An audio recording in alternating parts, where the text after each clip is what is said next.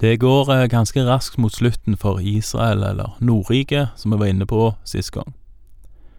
I kapittel 16 i andre kongebok, som vi snart skal begynne på, så handler det først om kong Ahas, altså sønn av Jotam. Jotam var en av de gode kongene i Juda, eller da i Sørriket, som vi var inne på i kapittel 15. Men det er åpenbart ikke et krav for å bli regna som en god konge at òg ens sønn går på Herrens veier. Det kan jo være verdt å merke seg. Vi leser fra andre kongebok, kapittel 16, vers 1. I det syttende regjeringsåret til Peka, sønn av Remalja, ble Ahas, sønn av Jotam, konge i Juda. Han var 20 år gammel da han ble konge, og han regjerte Jerusalem i 16 år. Ahas gjorde ikke det som var rett i Herren, hans Guds øyne, slik hans stamfar David hadde gjort. Han fulgte i israelskongenes fotspor.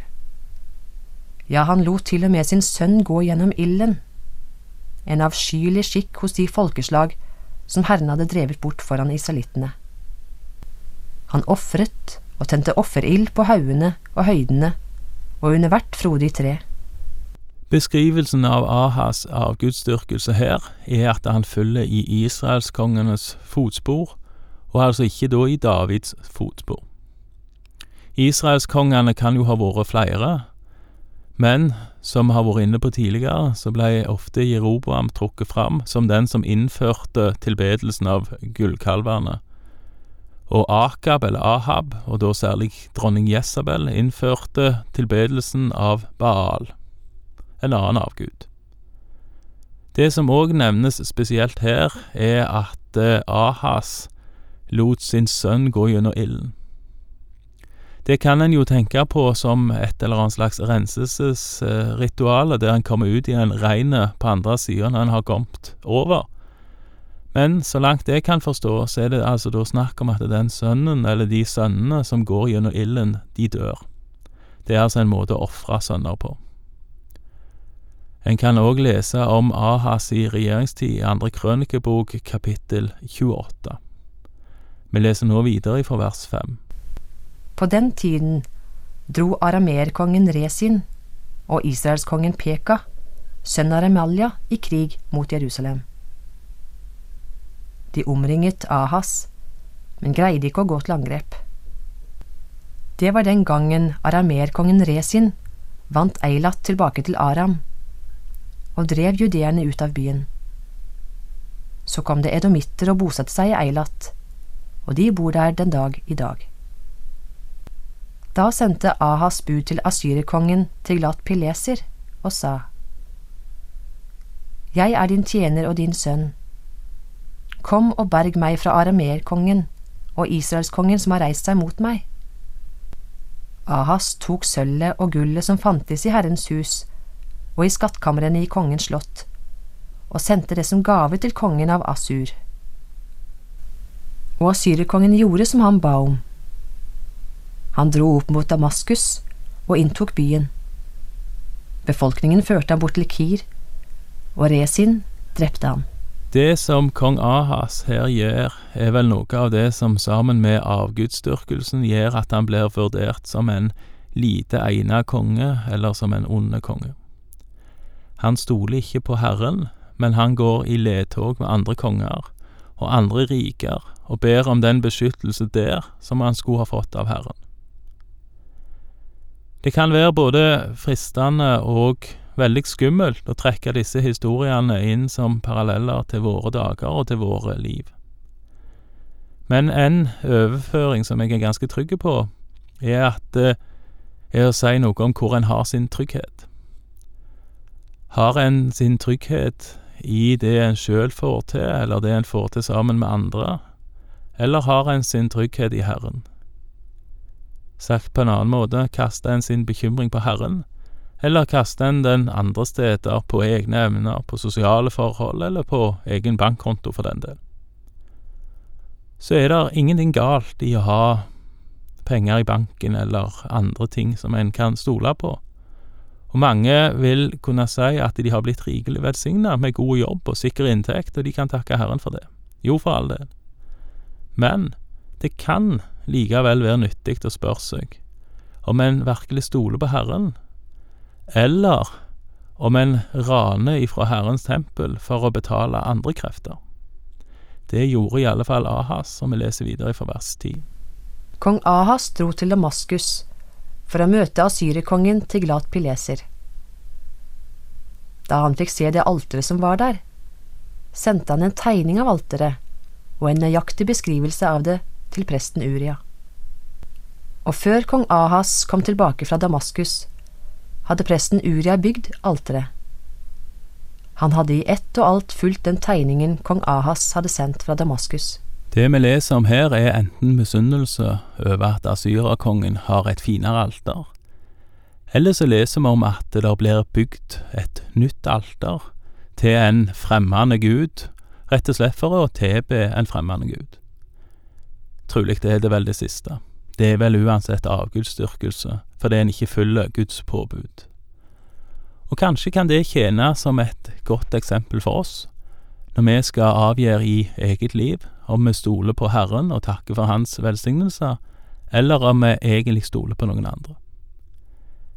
Det jeg mener er, dersom en må endre på tilbedelsen, endre på hvem en mener Gud er, endre på hva Gud har påbudt eller ikke, endre på hva Gud har sagt, altså endre på Guds ord.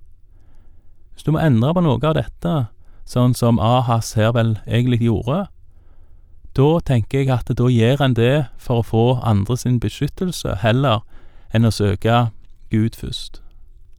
Ahas han endra på selve tempelet for å blidgjøre asyrakongen, og han blei en avgudsdyrker òg av det. Vi leser videre fra vers tolv. Da kongen kom hjem igjen fra Damaskus og fikk se alteret, gikk han framfor det og ofret på det. Han ofret sitt brennoffer og sitt grødeoffer, og helte ut drikkofferet, og stenket blodet av sine fredsoffer på alteret. Men bronsealteret som sto for Herrens ansikt, flyttet ham fra den plassen han hadde hatt foran tempelet, mellom det nye alteret og Herrens hus. Han satte det på nordsiden av det nye alteret. Her leser vi at kong Ahas får flytta vekk alteret som står foran Herrens ansikt, og han setter inn et nytt alter istedenfor. En annen Guds alter, som vi òg snakket om tidligere. Vi leser videre fra vers 15. Kong Ahas ga presten Uria dette påbud. På det store alteret skal du brenne brennofferet om morgenen og grødeofferet om kvelden, både kongens brennoffer og grødeoffer, og hele folkets brennoffer, grødeoffer og drikkoffer. Du skal stenke alt blodet av brennofferet og slaktofferet på det. Men bronsealteret skal være forbeholdt meg når jeg tar varsler og presten Uria gjorde i ett og alt som kongen bød ham.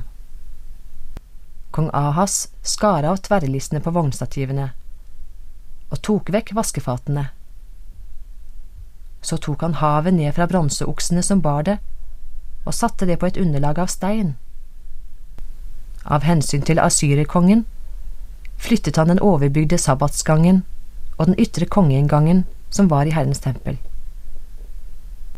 Det som ellers er å fortelle om Ahas og det han utrettet, står skrevet i judakongenes krønike. Ahas gikk til hvile hos sine fedre. Han ble gravlagt blant sine fedre i Davidsbyen. Hans sønn Hiskia ble konge etter ham. Som tidligere nevnt, så omtales òg Ahas sin historie i andre krønikebok, kapittel 28, og der står det at Ahas var troløs mot Herren og at Herren ville ydmyke Juda på grunn av det. Det kan være verdt å merke seg at Ahas forsøker å betale vekk asyrerkongen med stjele ifra både tempelet, slottet og folket. Det er òg nevnt i det vi nettopp leste. Men det står òg i andre krønikebok at asyrerkongen kom likevel. Han holdt ikke ord, og han beleira Jerusalem. Da ba òg Ahas til gudene ifra Damaskus. Sjøl ikke da snudde han seg tilbake igjen til Herren. Det står i andre krønikebok kapittel 28 fra vers 22. Selv under beleiringen fortsatte han å være troløs mot Herren. Slik var kong Ahas. Han ofret til gudene i Damaskus, som hadde beseiret han og sa, Siden arameerkongens guder har hjulpet dem, vil jeg ofre til dem, så de kan hjelpe meg. Men de ble til fall for ham og for hele Israel. Det beskriver ganske godt Ahas sitt fall, syns jeg. Han satser på trygghet fra andre steder enn Herren Gud, og sjøl når han ser at det er snudde imot han, så snur ikke han seg tilbake igjen til Herren allikevel. La ikke oss gjøre det samme. La oss heller, hvis vi da ser at vi har vår trygghet eller vår styrke andre plasser, som ikke holder, la oss da heller vende tilbake igjen til Herren fort. Vi leser videre noen få vers fra kapittel 17 om Hosea, den siste kongen i Israel, altså ifra andre kongebok, kapittel 17, vers 1. I det tolvte året Ahas var konge i Juda, ble Hosea, sønn av Ela, konge i Israel. Han regjerte i Samaria i ni år. Hosea gjorde det som var ondt i Herrens øyne men for ikke så ille fram som israelskongene før ham. Asyrerkongen Salmanassar dro opp mot ham, og Hosea måtte gi seg inn under ham og betale skatt. Men siden oppdaget asyrerkongen at Hosea var med på en sammensvergelse. Han hadde sendt bud til egypterkongen So og betalte ikke lenger sin årlige skatt til asyrerkongen. Da grep asyrerkongen ham og satte ham i fengsel. Så rykket han inn i landet og dro opp mot Samaria, som han beleiret i tre år. I Hoseas niende regjeringsår inntok asyrerkongen Samaria og førte israelittene bort til Asur. Han lot dem bosette seg i Halla og ved Habor, en elv i Gosan, og i byene i Media.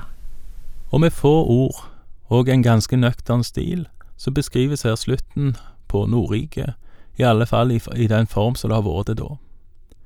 Neste gang kommer vi en oppsummering av hvorfor det gikk som det gikk, når vi skal lese videre fra andre kongebok kapittel 17.